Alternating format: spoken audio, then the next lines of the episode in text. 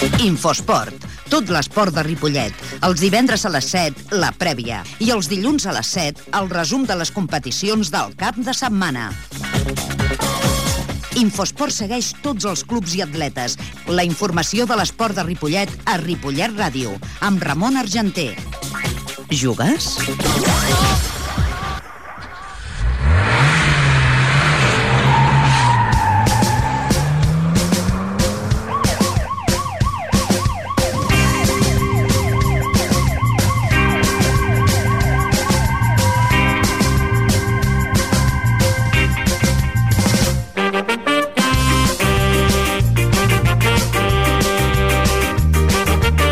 Bona tarda. Estem a la sintonia 91.3 de l'FM. Comencem ja el programa d'Infosport del divendres. Les vies de so, Fran Lladiu, que us parla Ramon Argenté. Bé, suposo que també haureu sentit ja el sorteig de la Copa d'Europa, de la Champions, i la que hi ha doncs, vuit equips importants, com són el Bayern, el Lyon, l'Inter, l'Arsenal, el Manchester, el Girondins, el CSKA de Moscou i el Barça. S'ha fet el sorteig i això ha sigut, doncs, Bayern de Múnich contra el Manchester, el Lyon contra el Girondins, els dos equips francesos, l'Inter contra l'ADSK de Moscou i el Arsenal-Barça. Qui guanyi d'aquesta eliminatòria s'enfrontarà contra l'Inter i l'SK de Moscou i possiblement ja diuen que pot ser una final repetida Manchester-Barça o Barça-Manchester, encara que si això es fa així, doncs el Barça jugaria com a visitant al Santiago Bernabéu. Per això ara hi ha molta gent d'aquí Ripollet doncs, que volen fer de peregrinació, peregrinos volen fer doncs, un viatge del Camino de Santiago, però el Camino de Santiago de Santiago Bernabéu, no? Això serà ja el mes de maig. Doncs bromes a part, hem de dir que comencem el programa i que, com sempre, tindrem molta informació que tindrem l'entrenador de la penya Portia Pajaril, l'entrenador del futbol sala de Ripollet, l'entrenador de la de fut, el president i, i el, també el jugador, el president Xisco Inglada i el, el jugador del Ripollet, que és el màxim golejador de l'equip i segon de la preferent. També tindrem a Miquel Arnau, que per cert es casa el dia 10 d'abril, es casa per segona vegada. La primera perquè es va casar doncs, amb una noia que és de Paraguai, es va fer la boda a Paraguai, i ara es torna a casar aquí pels companys de, de, del poble, no? I també tindrem, doncs, avui a l'equip infantil del tenis de Ripollet i a l'Evin, que aquesta setmana ha estat jugant a de Valladolid. I farem un repàs, doncs, el que serà aquest cap de setmana. En recordem que el Ripollet, eh, després de l'important victòria la setmana passada eh, aquí contra el Mollet, té un difícil partit aquesta setmana i jugarà a Manresa. Anem a recordar les paraules que mantenia amb el seu president, que diu que aquest entrenador no té ganes de fer les coses bé i que aquest entrenador planteja els partits per, per Aquest entrenador nostre eh, té un sistema que bueno, pues, els té ben alimentats. Estan contents i ben alimentats. Perquè... I llavors, sí, perdona. Llavors, aquesta setmana, inclús l'expresident, el Joaquim Magán, també Ara, això, això, li va això. tocar el pernil, eh, tothom ha posat la seva cosa, no sé, no sé què faran. Eh, vull dir, jo eh, estic content de que hi hagi aquest gran ambient, mm, però penso que diumenge anem a Manresa, Manresa 29 punts, equip que està complicat, eh, i llavors hem de mirar una mica que serà molt difícil, molt difícil, perquè eh, és de, de, de fa molt de, de temps que el Ripollet, quan està en aquestes posicions de, de dalt, sempre eh, caiem en una pedra i aquestes pedres no són equips de dalt, sinó són equips de, la, de, de baix o eh, l'any passat mateix me'n recordo que els equips que van baixar tots ens van guanyar un dels partits. I llavors esclar, això és el que hem de mirar. Vull dir, jo estic molt content que la gent col·labori que hi hagi bon ambient, que els nanos s'ho passin bé que és el que, per el que estem en el futbol perquè hi hagi bons ratos però llavors també hem de ser conscients que el diumenge anem a Manresa, que hem guanyat el Mollet, que és un equip important, però no serveix de res guanyar avui a Mollet si el diumenge no ho col·laborem a, a Manresa. Un Manresa que doncs, eh, aquesta setmana ha guanyat eh, 1 a 2 al camp de Lloreda i que està, com deies tu, en el lloc número 12 amb 29 punts, però està en una zona d'aquestes que una derrota seva i una victòria dels Cabanabats es pot col·locar també en la zona de descens. És molt complicat aquest any. Aquest any, aquest any serà molt complicat perquè d'aquest grup eh, jo crec sincerament que en poden baixar hasta 6. 6. Clar, Sis tot equips, depèn eh? dels equips de, de, de dalt, no? Sí, sí, sí, d'aquest equip. Bueno, depèn dels equips de segona B. Imagina't que ara en aquest grup està Gavà, està Terrassa ja com a cosa segura, el Lleida està involucrat, el Badalona s'hi pot involucrar, eh, vull dir, és, està complicada la coseta i llavors com més en baixin de, de segona B i en les promocions d'ascens de tercera els equips catalans com cada any fan la promoció però no acaben de pujar mai llavors serà complicat i llavors, és clar, aquí hi haurà una lluita una lluita, jo ara per posar-te un exemple, et diria que el Cerdanyola està fent una gran segona, vol- segona campanya segona volta i està amb 29 punts, és a dir, està a, a, a quasi bé a dos punts només d'estar involucrat amb el descens, amb la campanya que està fent. Llavors costa molt sortir de baix i aquests equips són els equips que realment sempre, sempre ens han fet una mica la guitza a l'hora de pujar nosaltres.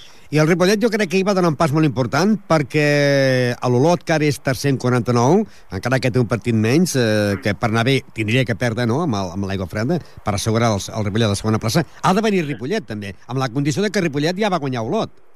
Sí, bueno, nosaltres ara tenim la gran, ja tenim un condicionant, vull dir, amb un dels equips homologats del Mollet, en el cas d'empat ja tenim el gol a favorable, que això també és molt important. Llavors amb l'Olot tenim la gran avantatge que ja vam guanyar, vull dir, aquí inclús, inclús empatant a casa seria un resultat positiu, però bueno, jo crec que l'equip ha d'anar pas a pas.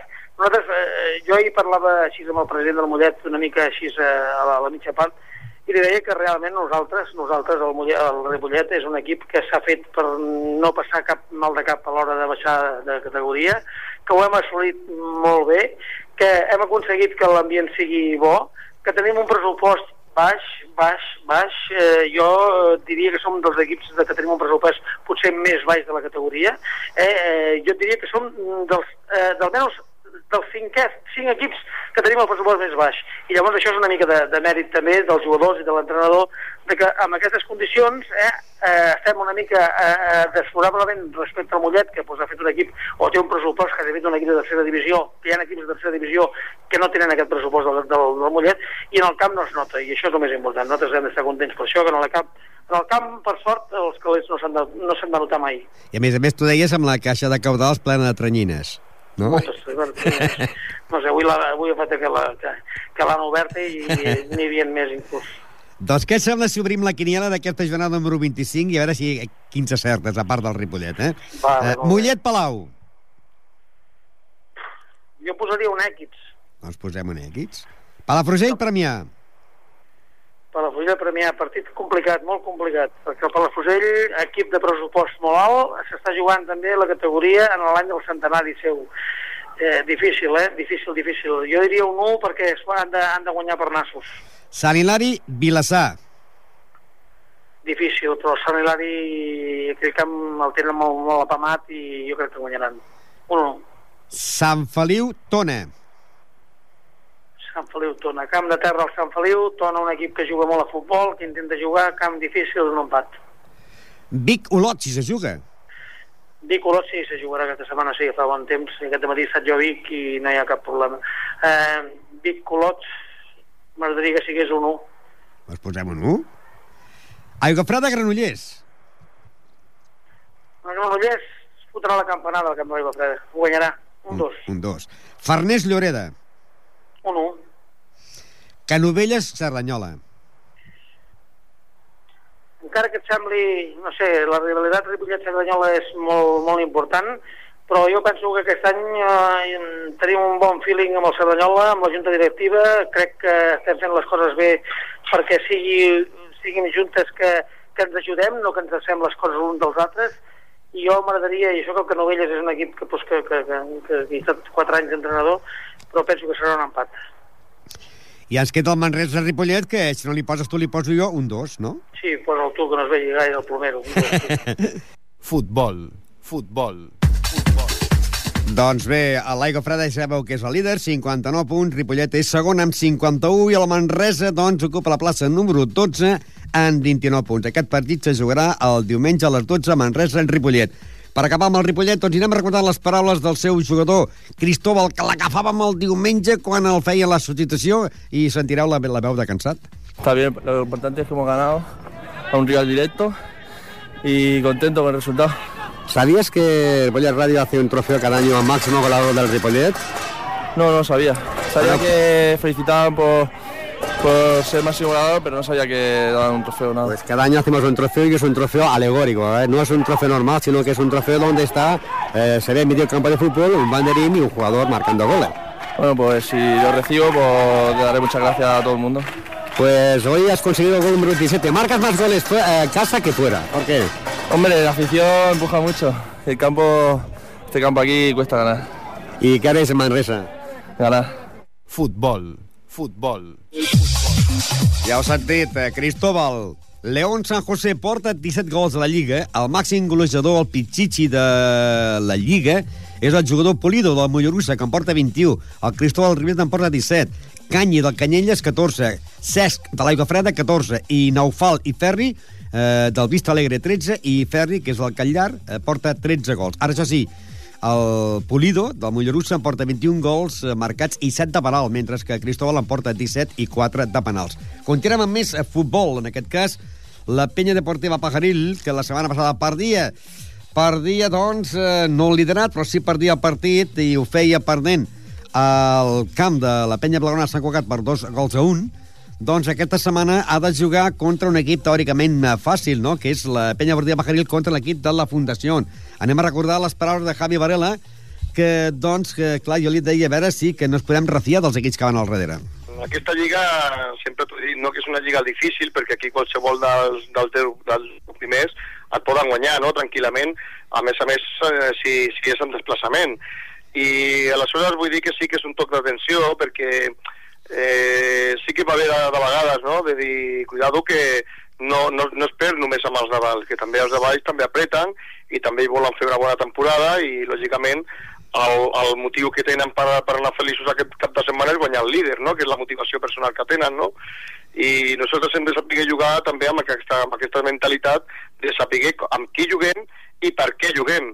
I a partir d'aquí intentar agafar una altra vegada la línia que portaven, no? de guanyar partits i acabar la temporada als primers.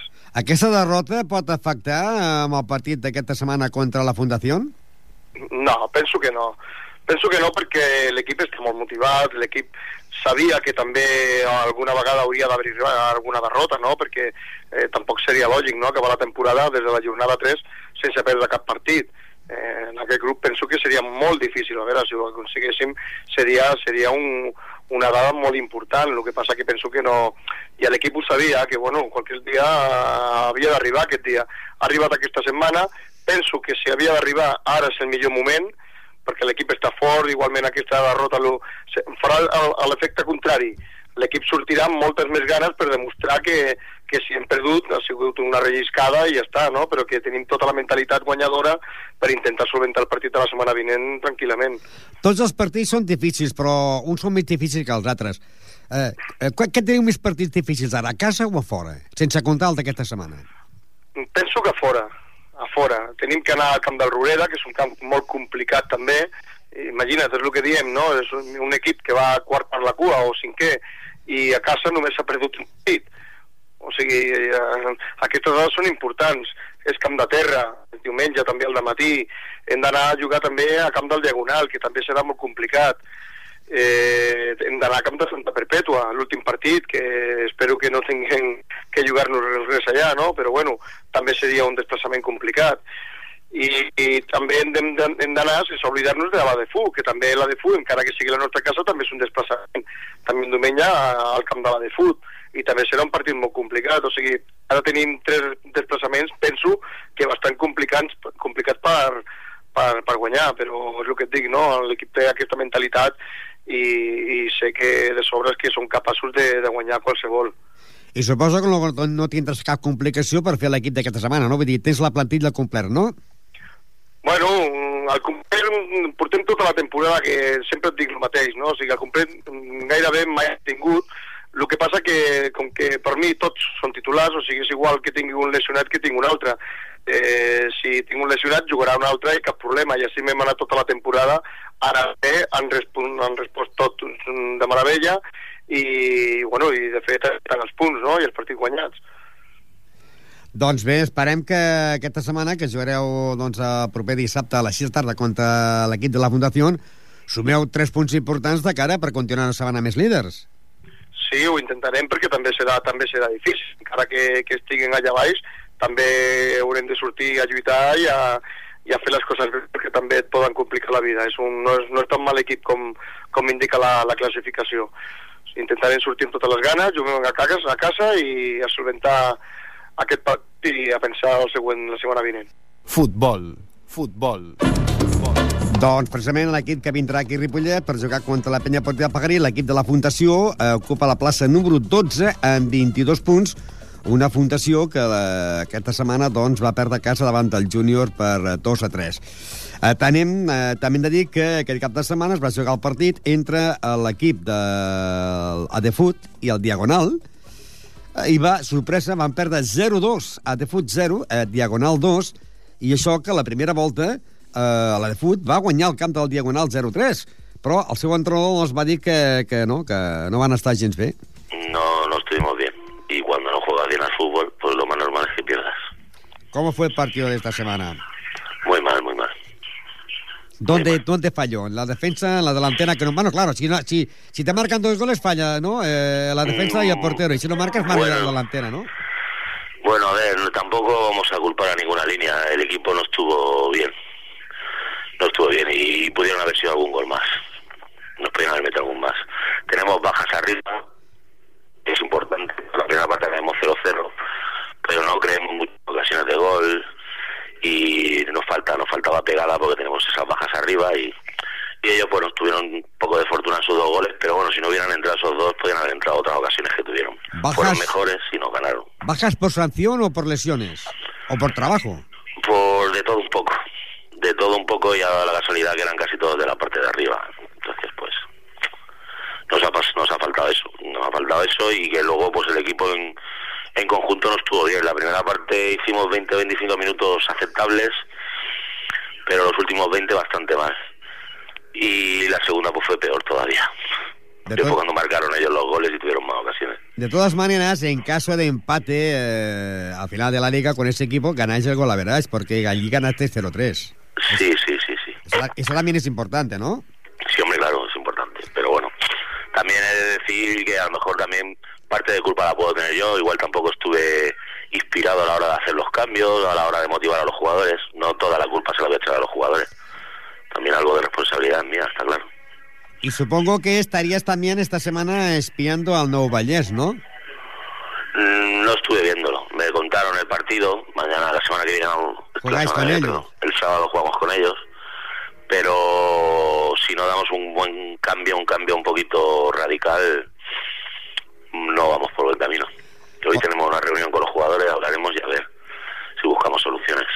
Bueno, de todas maneras, estáis haciendo una gran campaña. Hay que reconocer que el primer año que estáis en competición estáis en el- en- con los ocho primeros. Sí, no, si la campaña está siendo buena, pero si no mantenemos una línea, puede dejar de ser tan buena. Porque ahora, pues en principio este sábado jugaríais en campo del Nou Vallès, un Nou Vallès que ganó aquí 4 a 5 al, al Estila, y que el Vallès ocupa la plaza número 14 con 13 puntos. Vosotros lleváis en estos momentos 32. La victoria no se puede escapar, ¿no? No tendría, vaya. No tendría, no tendría, pero es lo que te comento. Yo tal y como vi la segunda parte que hicimos, yo ahora mismo no digo nada.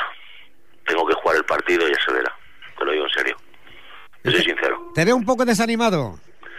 Bueno, Me, me, me dolió mucho, me dolió mucho, sí. mucho, mucho. Pero, pero bueno, vamos a seguir trabajando y vamos a ver, intentar levantar esto como sea. Bueno. Todavía no habíamos perdido dos partidos seguidos en Liga. Y la semana anterior contra el Mirasol fue un partido, no juguemos mal, fue un partido que entraba dentro de lo posible que se podía perder. Tuvimos un arbitraje malísimo, les dejó hacer a ellos todo su fútbol. Pero yo esperaba que esta semana el equipo se levantaría, iríamos para arriba, pero me llevé una decepción, me llevé una decepción muy grande. De todas maneras, el Diagonal es uno de los equipos que también está luchando por la segunda plaza. Sí, sí, sí, sí. Pero es que no son mejores que nosotros, sinceramente. Entonces, por eso, por eso estoy un poquito dolido y afectado. Bueno, yo creo que cambies de opinión cuando el lunes hablemos y me digas, hemos ganado al Nou Vallès. Bueno, que sí es verdad, Ramón. Futbol. Futbol. Les paraules de Xesco, entrenador de la de Fut, doncs aquesta setmana jugaran al camp del Nou Vallès. Serà dissabte a partir de les 6 de tarda. Nou Vallès a de Fut. Nou Vallès que aquesta setmana doncs, va guanyar aquí, en l'Esdila, per 4-5. I també hem de dir que a l'equip de l'Esdila, doncs, aquest cap de setmana va perdre 4-5 davant del Nou Vallès i aquesta setmana seria Santa Perpètua Esdila, Nou Vallès a de Fut i la penya partida Pajaril contra l'equip de la Fundació. Líder, la penya partida Pajaril, amb 49 punts, a la de Fut és vuitè amb 32 i en el lloc número 15 a l'Esdila amb 5 punts. El segon és l'equip del Mirasol. Futbol sala. Futbol sala.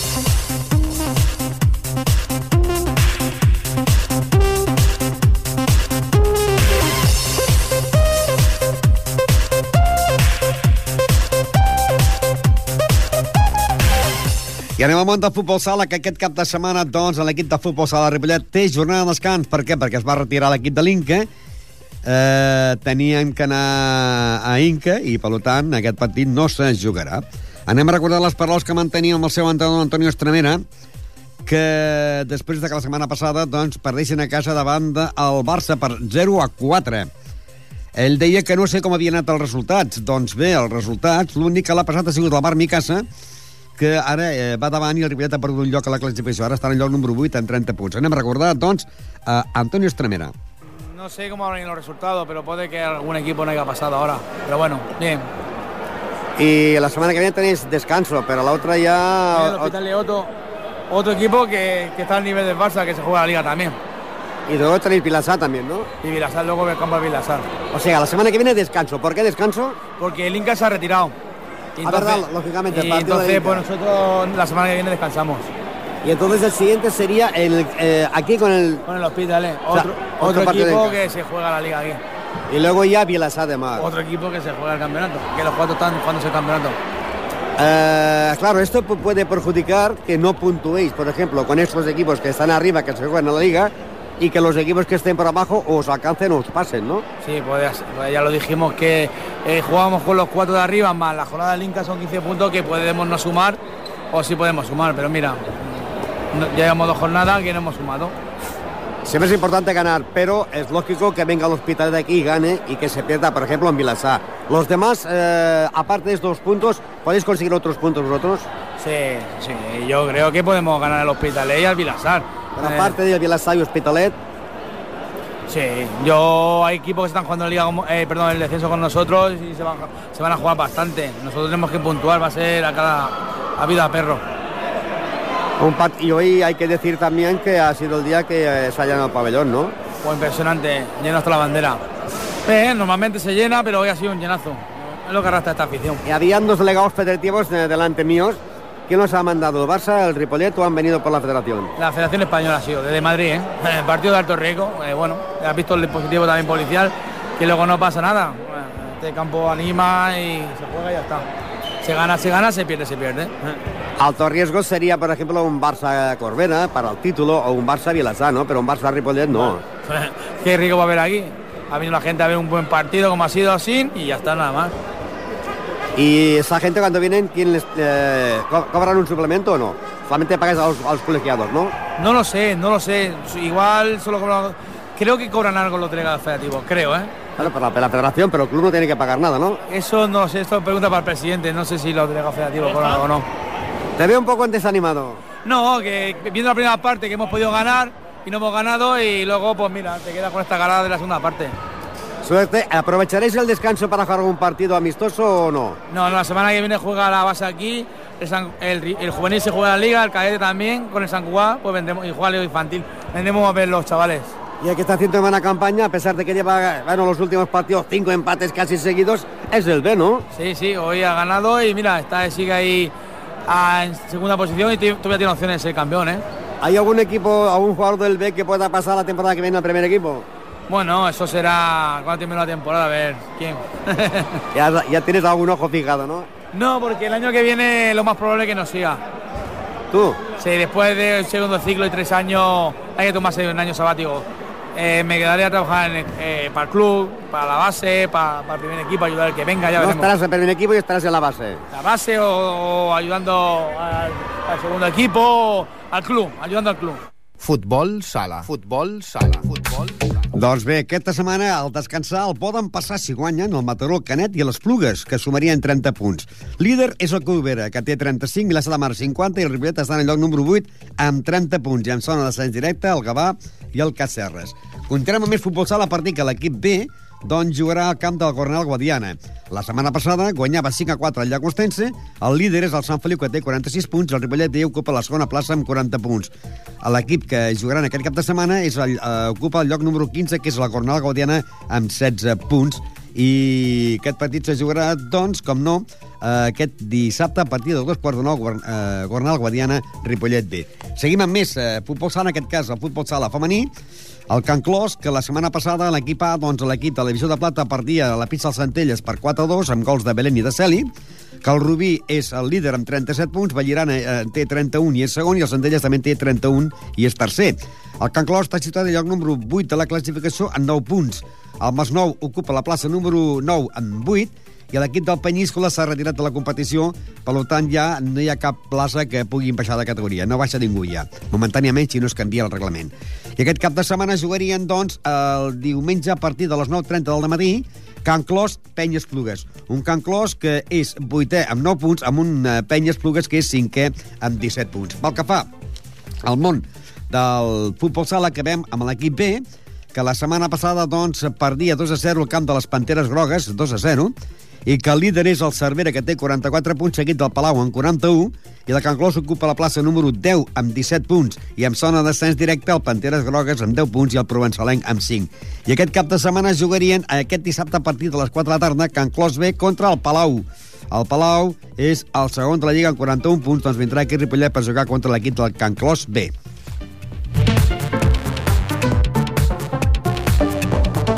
Hockey. Hockey. I anem al món del hockey, que aquest cap de setmana doncs, el Ripollet va perdre contra el Sant Just amb, una, amb un resultat de 4 a 7. Líder, Voltregà, 43 punts, eh, Bertino, 43, i Voltregà, 40, mentre que el Congrés, Masies de Voltregà, perquè hi ha dos Voltregàs, no? Masies de Voltregà, 40, i Congrés, 39. El Ripollet ocupa el plaça número 13 amb 15 punts. És el penúltim de la Lliga i l'últim és el Camp Matant la Barcles amb 5 punts. Aquesta setmana s'enfrontarien el Sant Just contra el Voltregà, la Garriga contra el Gamma, el Mollet contra el Setmanat, el Tona contra l'equip del Bertino i la Salle Bonanova, la Salle Bonanova jugaria contra el Ripollet. A la primera volta hem de dir que el Ripollet ja va perdre amb la Salle per 6 a 7. Com deien, doncs, el Bertino és líder en 43, seguit del Voltregà en 40, i el Ripollet no baixa ningú en aquesta categoria, però doncs, està en el lloc últim de la classificació, penúltim és ben dit, amb 13, en el lloc número 13, amb 15 punts. I aquesta setmana jugarien a la pista de la Salle Bonanova, seria aquest dissabte a partir de les 6 de tarda la Salle Bonanova a Ripollet. La Salle Bonanova la setmana passada guanyava la pista del Navarcles per eh, 8 a 4 o 4 a 8 i el La Salle ocupa la plaça número 7 amb 23 punts. Amb vol. Amb vol. I anem al món del handball, que la setmana passada doncs, tenia jornada de descans. El Club Handball Ripollet va jugar un partit, un partit amistós, el que va guanyar en el Papiol per eh, 20 a 22 o 22 a 20, i que aquesta setmana va guanyar el seu primer partit de Lliga, guanyant doncs, eh, per 35 a 30 en l'equip del Munís de Rei. En el descans, 17 a 16 favorable a l'equip del Ripollet. Líder, la Salle, eh, que té 24 punts, seguint de la Sant Andreu de la Barca amb 24, Rubí 22, Pau Casals 19, Gavà 14, Molins de Rei 13, Safa 12, Montcada 6, Ripollet eh, Aula 6 i Ripollet 2 punts. Ja feia temps que deien sempre 0 punts, a partir d'ara ja direm 2 punts i esperem que puguem sumar més. Aquest cap de setmana, doncs, jugarien eh, aquest dissabte, jugarien, més mentit, jugarien aquest diumenge a partir d'un quart de dues a la tarda, jugarien a la pista de la Salle Bonanova. La Salle Bonanova, eh, perdó, a, a la pista del Gavà.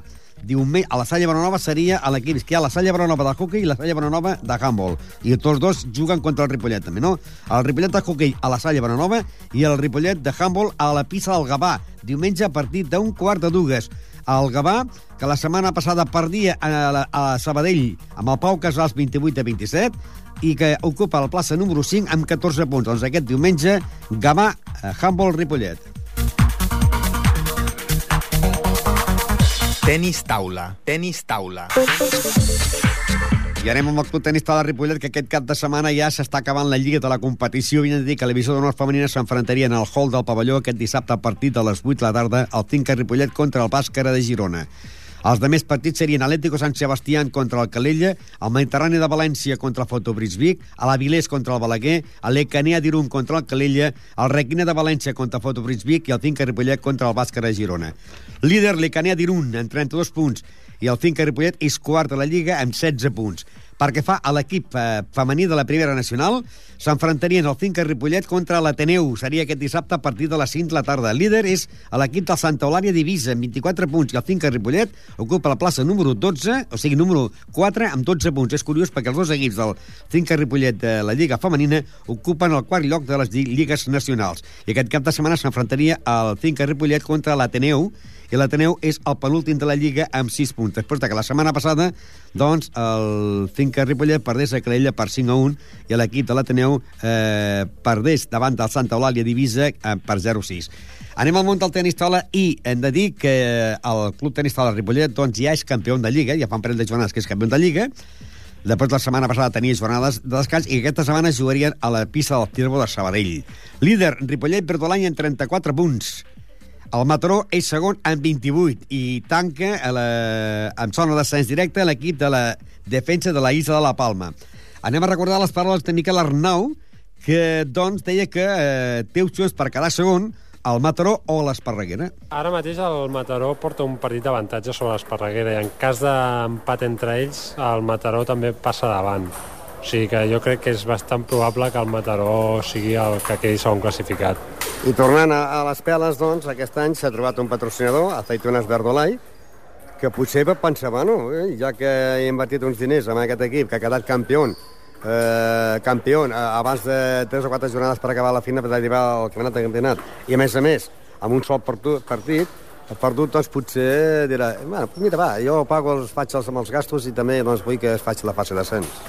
Sí, és possible. També hem de pensar que no, no només és el gasto de la fase, sinó de l'any que ve.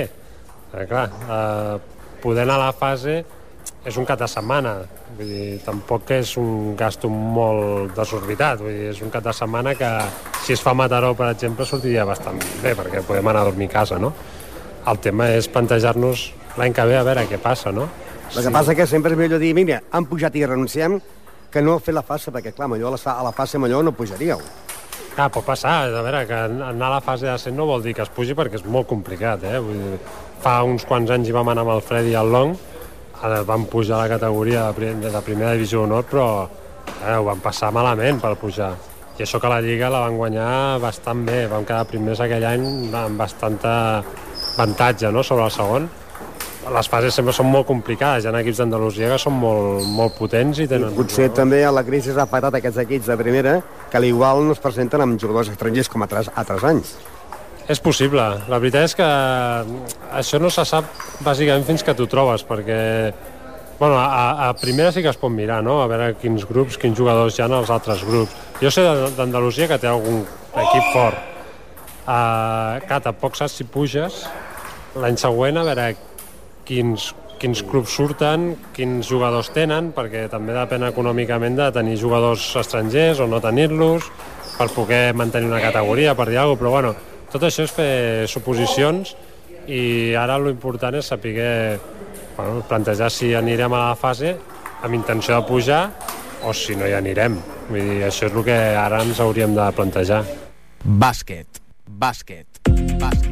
I anem al món del bàsquet perquè aquest cap de setmana també hi ha Copa Catalunya. Per la setmana passada l'equip del club va ser Ripollet de perdre en la pista al Sant Andreu de Natzaret, 76 a 64. Líder Barberà la Vallès, 40 punts empatats amb el grup Osorio de Badalona, que en té 40. El Santa Coloma, 39, i el Ripollet està en el lloc número 10 de la classificació amb 33 punts. I aquesta setmana s'enfrontarien al Sant Adrià, torna a jugar, o sigui, dos partits, a la primera volta han fet dos partits seguits a casa, ara tenen dos partits seguits a fora. Aquest dissabte jugaran a partir d'un quart de set de la tarda eh, Sant Adrià contra el bàsquet Ripollet. Un Sant Adrià que la setmana passada doncs, guanyava en el Sant Josep de Badalona per 60 a 74 i que el Sant Adrià ocupa la plaça número 7 de la competició amb 36 punts, amb un Ripollet que ocupa la plaça número 10 amb 33 punts. Pel que fa a la Copa Catalunya de primera categoria. Pel que fa a la Copa Catalunya de segona categoria, en aquest, en aquest cas hem de dir que el Ripollet està aquí entremig de fer la promoció per mantenir la categoria, perquè els dos últims baixant de, directament, que són el Salt de Girona i el Pinet, aquests serien, i llavors ha els sis primers de la part baixa, podríem dir que haurien de fer un partit de promoció. I llavors entra el factor camp, no?, de fer el tercer partit a, a, una altra vegada a casa. Per això encara, fins que no s'acabi la Lliga, no se sap. Pel que fa al Ripollet B, doncs la setmana passada perdia de 28 punts a la pista del eh, Sant Fruitós.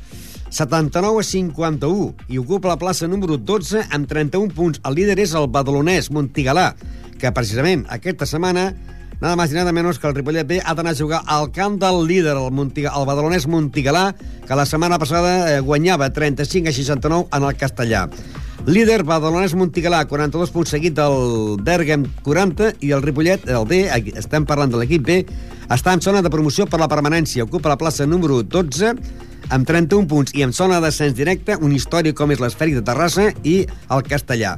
I aquesta setmana jugarien a partir de dos quarts de vuit de la tarda eh, Badalonès Montigalà, Club Bàsquet Ripollet B, Copa Catalunya, tercera categoria.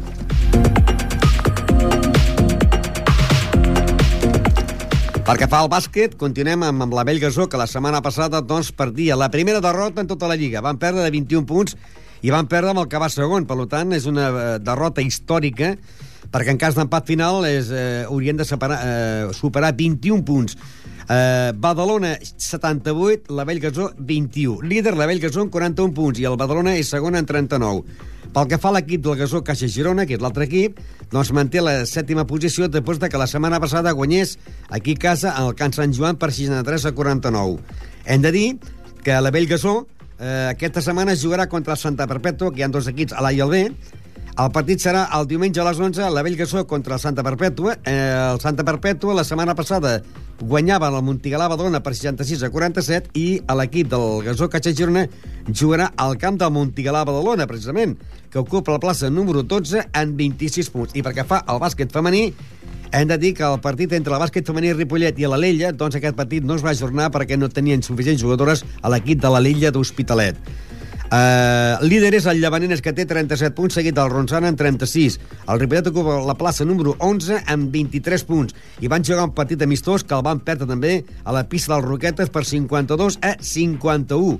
I aquesta setmana juguen aquest partit eh, contra l'equip del Pineda, un Pineda que la setmana passada perdia el Llinars per 67 a 47, el Pineda és setè a la Lliga amb 28 punts i el bàsquet femení Ripollet ocupa la, la plaça número 11 en 23 punts. I això sí, té do, 3 partits menys. Tenis. Tenis. Tenis. Bueno, doncs dic que el, també seguim els, els esports del tennis, eh, el tennis eh, Víctor Trossets i el Ripollet, que juguen al mateix grup, i hem de dir que tenen jornada de descans, no jugaran fins la setmana que ve, que jugaria el Víctor Trosses contra el Vall d'Oreig i el Badalona contra el Ripollet.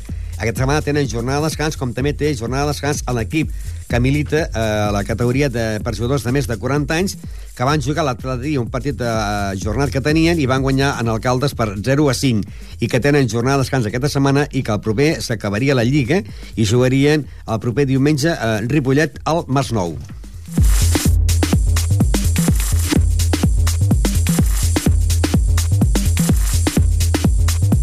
Bueno, pues ya empezamos con el deporte promesa y tenemos aquí a Miguel y Norma. Buenas tardes. Buenas tardes. Hola, buenas. Y hay protagonistas, ¿no? Los que estuvieron para el tenis de mesa a Valladolid. Sí, los que se fueron al estatal de Valladolid tenemos hoy, que son Julia López, Laura Chirita y Nil Camacho. Vamos a ver cómo, que nos van a explicar en qué consiste el torneo de Valladolid. Es un torneo eh, a nivel de toda España que bueno que para que van los 32 mejores de cada categoría y bueno y, te, y, hay un campeonato para clasificarse para este otro torneo. ¿Y si ganas ya eres, eres el mejor de España si quién gana el torneo? No, porque bueno luego hay otros campeonatos también a nivel de España, como el Campeonato de España, y luego hay un top 12 que van los 12 mejores de España. Y que este campeonato también sirve para, para clasificarte para ese. El o sea, top 12. este club está muy bien situado, ¿no? Se han ido siete jugadores, es de los que más ha llevado, ¿no? Sí. ¿Cómo os ha ido en el estatal? A mí bien, bueno, otros años me había ido peor, pero este año mejor. Bueno, yo pues, para ser mi primer estatal yo creo que he jugado bien y en el grupo gané tres partidos y perdidos. Yo quedé sexta de, de, todo, pasé de grupo segunda y bueno, podría haberme metido en semifinales, pero bueno, perdí 3-2.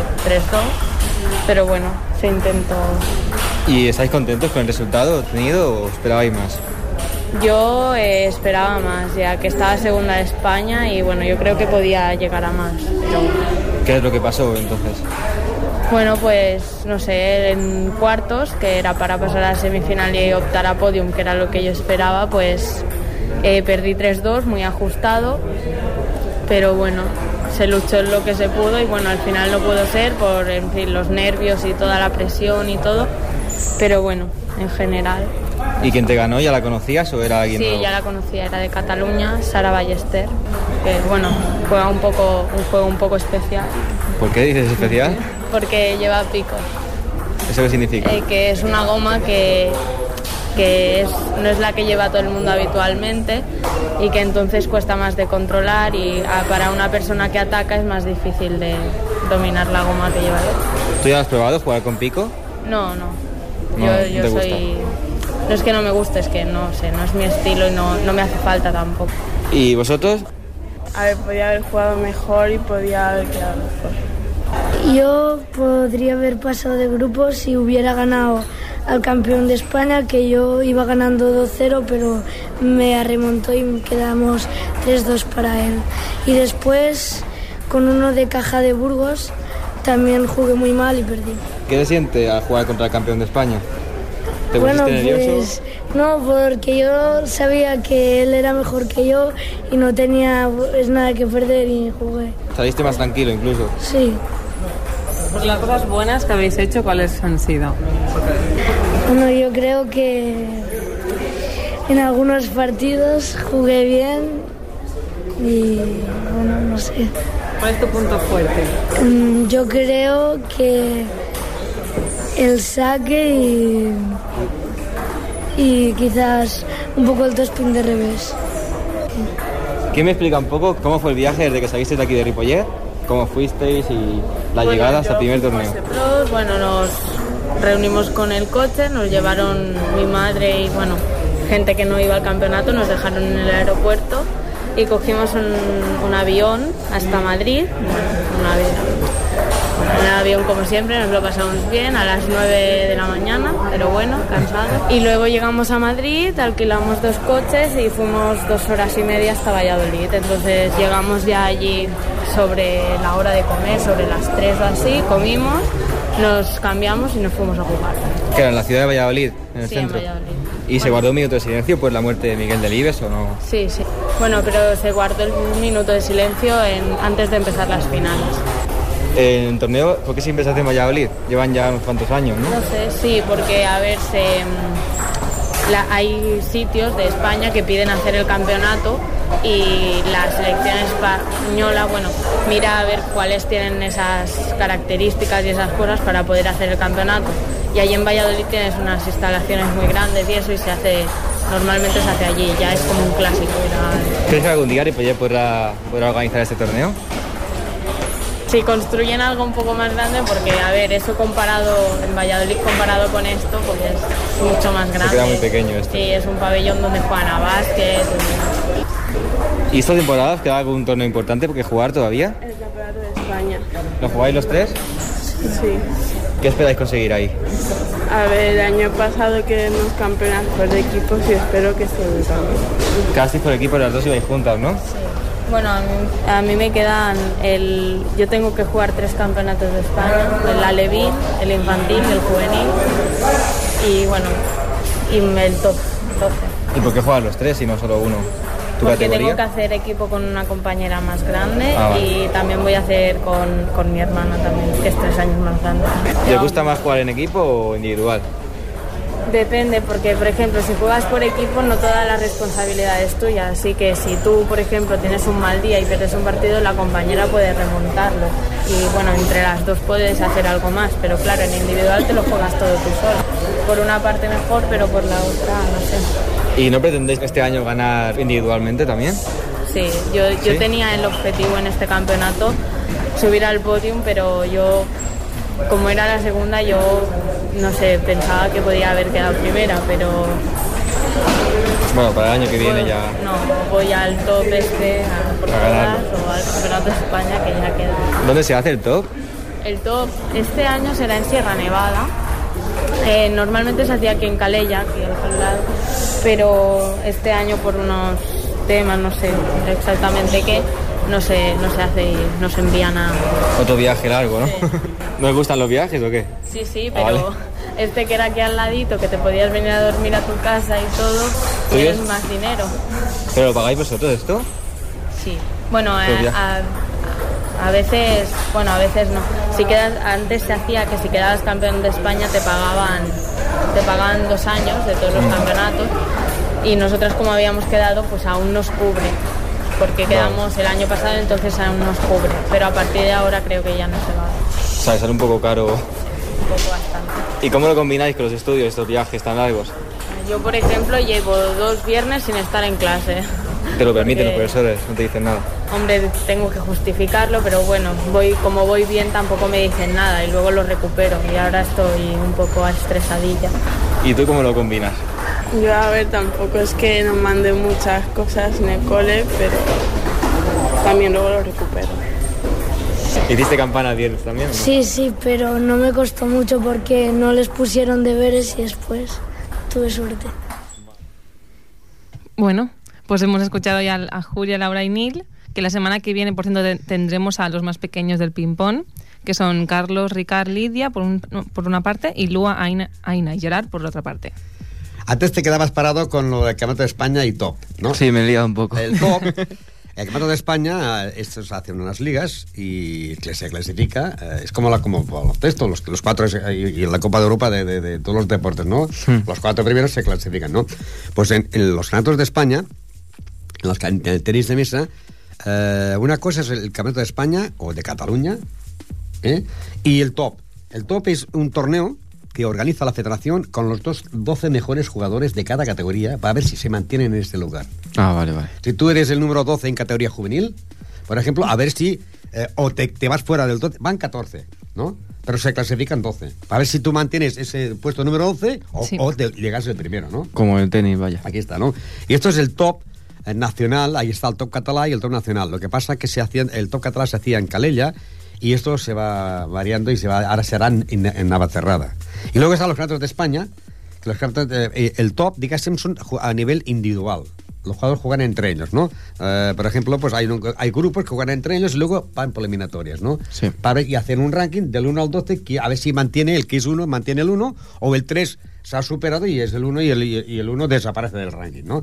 Eh, Estos son, se llaman los tops y solamente es a nivel individual. Y luego los campeonatos de España es los campeonatos de España por equipos, el mismo cuadro que se hace para los individuales se hace por equipos, clasificándose los dos primeros para la siguiente ronda y luego para las eliminatorias. Y juegan por parejas ahí. Luego ahí juegan por equipos. Cuando se ha terminado lo de equipos, juega por individuales y juegan por dobles. Por eso, unos campeonatos de, de España duran un- unos 15 días. En Sevilla este año, ¿no? Este año, y esto se hace en Sevilla, mientras que el top y tendrán que ir pues a Navacerrada. O sea, todo el día están Ahora han, han llegado de, de- de Valladolid, esta semana juegan aquí y la esta semana. Y lo que pasa que sí, los campeonatos de España aprovechan la Semana Santa, que la mayoría pues son esto- gente que está a la escuela, para hacerse en Semana Santa los campeonatos de España. O sea que no tiene vacaciones. No. Las vacaciones ellas El las pasan, pues. el de, tenis de mesa es, tanto, es, es- es de, de los deportes que más, más se juega y no hay, no hay. Porque luego vienen campeonatos de España en el mes de julio, que son de categoría absoluta, de categoría juvenil, y prácticamente la- tienes, tienes 15 días de vacaciones y, y la primera quincena de septiembre. Pero ya, la primera quincena de septiembre ya hay clubes que organizan torneos internacionales para... para No paran ni en agosto. o sea, que no se No, paran casi va. ni en agosto. Y encima aquí tenemos a siete que van al campeonato de España, ¿no? Sí, sí, sí. O sea que vaya club Pues más. deporte muy sacrificado. Y caro. Porque- Y caro.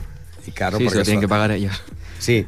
Hombre, lo bueno sería que el club lo pagase, ¿no? Lo que pasa que, claro, an- anteriormente daban unas becas las federaciones a los campeones, pero ya os he oído a Julia que ha dicho pues que ahora ya no.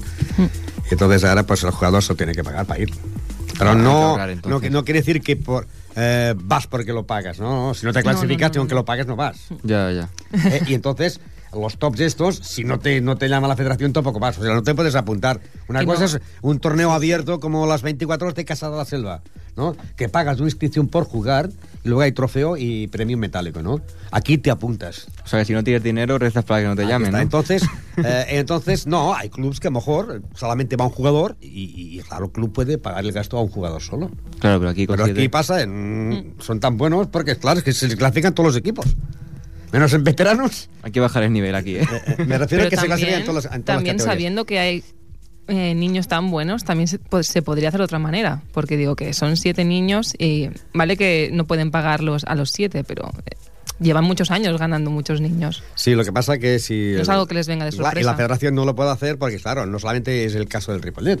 El Ripollet tendrá siete jugadores, el Calella tendrá cinco, el Sabadell tendrá dos y el otro tendrá cuatro y, y el Evil de Andalucía, pues lo mismo. O sea, eh, y claro, no hay tanto dinero para poder... eh, y los, los clubs, hay gente, pues clubs que lo que antes lo, se pagaba todo, pero a lo mejor iba un, tres jugadores por, por un club. Sí. Ahora, pues el Ripollet es el, el equipo que más jugadores clasifica para todos los campeonatos. No veas. Vaya. A ver si ganan y se lo, se lo pagan.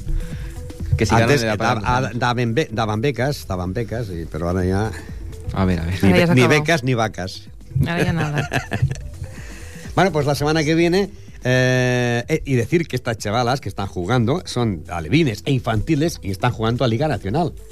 Y esta semana juegan con el Ateneo, y la, la más joven que tiene el Ateneo creo que tiene 30 años. Y están jugando una categoría que no les toca, porque ellas tendrían que jugar el campeonato alevín y campeonato infantil. Han y, subido. y- y juegan, y juegan a Liga Nacional. Y van cuartas de Liga Nacional. A ver cómo ganen, se van a deprimir las Y el otras. equipo, el equipo que juega la División de Honor, aparte de la jugadora entrenadora Micaela Chirita, que es la madre de Laura, ella hace hace de jugadora entrenadora, es, es categoría absoluta, pero la Berta es juvenil y la Cristina es sub-23, digásemos. Y sigue siendo, a pesar de que la, ya es mayor la, la entrenadora, sigue siendo el Ripollet de los equipos más jóvenes en la Liga Nacional esta en masculina, masculina y femenino. La nueva generación. Las jóvenes promesas, como Sí. las que traeremos la semana que viene. Sí. serán lo- los futuros, los futuros que esto- estos también y que igual el año que viene eh, les ponen a jugar a la categoría preferente. A los chicos estos. A los chicos estos. Ahora tú cuenta, por ejemplo, para ponerte un ejemplo, un ejemplo el Ripollet juega la categoría preferente, ¿no? Pues cara al Levín jugase eh, con el Ripollet. Pues, no se atreven. ¿no? Claro, no Qué es el mismo contacto de un hombre, de un, de un jugador de 30 años o de 28 años con un crío en fútbol, que el Claro, más contacto, contacto. físico con la, con la raqueta y la pelota, ¿no? Se nota menos la diferencia. La diferencia es, que, claro, no hay el contacto. Tú a este chico no le harás daño. Le harás daño jugando si le pegas paliza, ¿no? Pero se da la circunstancia que estos críos ganan a gente mayor y se cabrean, pero un montón. Hombre. Que un pequeñajo les gane. Yo me cabrearía. Esto, esto, de verdad, los Es que debe ser un punto para Esto ha pasado un poco. Esto ha pasado muchas veces, venir en equipo a jugar. ¿Con qué jugamos? Con aquellos críos de allí. Con aquellos, sí. Es que Y tú piensas, luego han como- perdido partido y dices, "Ostras, ¿cómo, cómo juegan? Luego, como entras en casa. Ya. Pues bueno, los niños van ahí, como tampoco tienen nada que perder. Digo, si ganan, muy bien. Y si pierden, pues también es. Y esto está permitido. pequeños. Ahora, lo que no estaría permitido es que un alevín jugase a fútbol contra el Ya, sí, sí. Claro, O claro. en baloncesto. Un crío de, de- de- de un metro contra uno de dos metros. Pero como en tenis sí que se puede dar el caso. En tenis y tenis también se puede dar el caso porque, claro, no tienes el contacto físico con el jugador, ¿no? Es eh, uno en la, en la otra mesa, lo que pasa es que el, el alto lo ves alto y el pequeño lo ves en una mesa, ves allí una raqueta que se mueve y No no se ves ve quién está allí. Pues estamos a punto de arribar a la rete final. Si no tenéis... eh, eh, o sea, aparte de eso, decir que la próxima semana tendremos al equipo eh, la más, los más pequeñines, no? Sí, Sí, lo de que 6 a salieron 9 en la años. revista. Pues el que hem de dir que estem a la recta final del programa i dir que aquest cap de setmana, aquest cap de setmana, doncs, el Club Ciclista Ripollet ja farà la sortida número 3 i que faran un recorregut de 130 quilòmetres. S'aniran cap a Avinyonet, faran Ripollet, Sant Cugat, Rubí, Terrassa, faran parada a Terrassa, Martorell, els quatre de Martorell, parada Martorell, Gelida, Sant Sadurní de Noia, País del Cava, segurament que allà es mosseran i Cava. Els Cassots, Cruïlla de l'Ordal amb Vilafranca del Penedès, Avinyonet, eh, i tornaran cap al, per l'hospital, per eh, eh, Bruguers, per Gavà, per Viladecans, eh, per Monins de Rei, eh, Cornellà del Llobregat, Monins de Rei, Sant Cugat i Ripollet, amb un recorregut de 130 kilómetros, la sortida a les 8 del matí. Bueno, pues eh, el viernes tornem a estar aquí con todos vosotros. Sí, sí. Ya he visto que esta semana me has cambiado para hacer la quiniela, que ya... Es como que no aciertas, ninguna, no Es ya. que aciertas eh, acertaste nomás que dos, dos. eh, Acertaste el partido entre el Vilassar y el San Feliu, acertaste el Lloreda Manresa y el Ripollet Mollet. A ver qué hace Inglada Y esta ahora semana. esta semana la ha hecho el Presi Inglada. Qué poco futuro tenemos. Pues será pues, sin su suerte que no hace, hace pero ¿quinielas de las haces o no? ¿Quinielas Algunas sí, pero tampoco- Tampoco aciertas. ¿Y, y tú, tú haces, Norman? Yo hago algunas, ¿Sí? sí. ¿Y aciertas algo? Tampoco nada. Yo no hago, ¿eh? Yo no, nunca hago. Tampoco, Quinielas no. no. hubiera tocado nada, o sea que... No, no, para nada. Pues anem punt final. Que tingueu un bon cap de setmana. Adéu-siau, bona tarda. Buenas Adeu. tardes.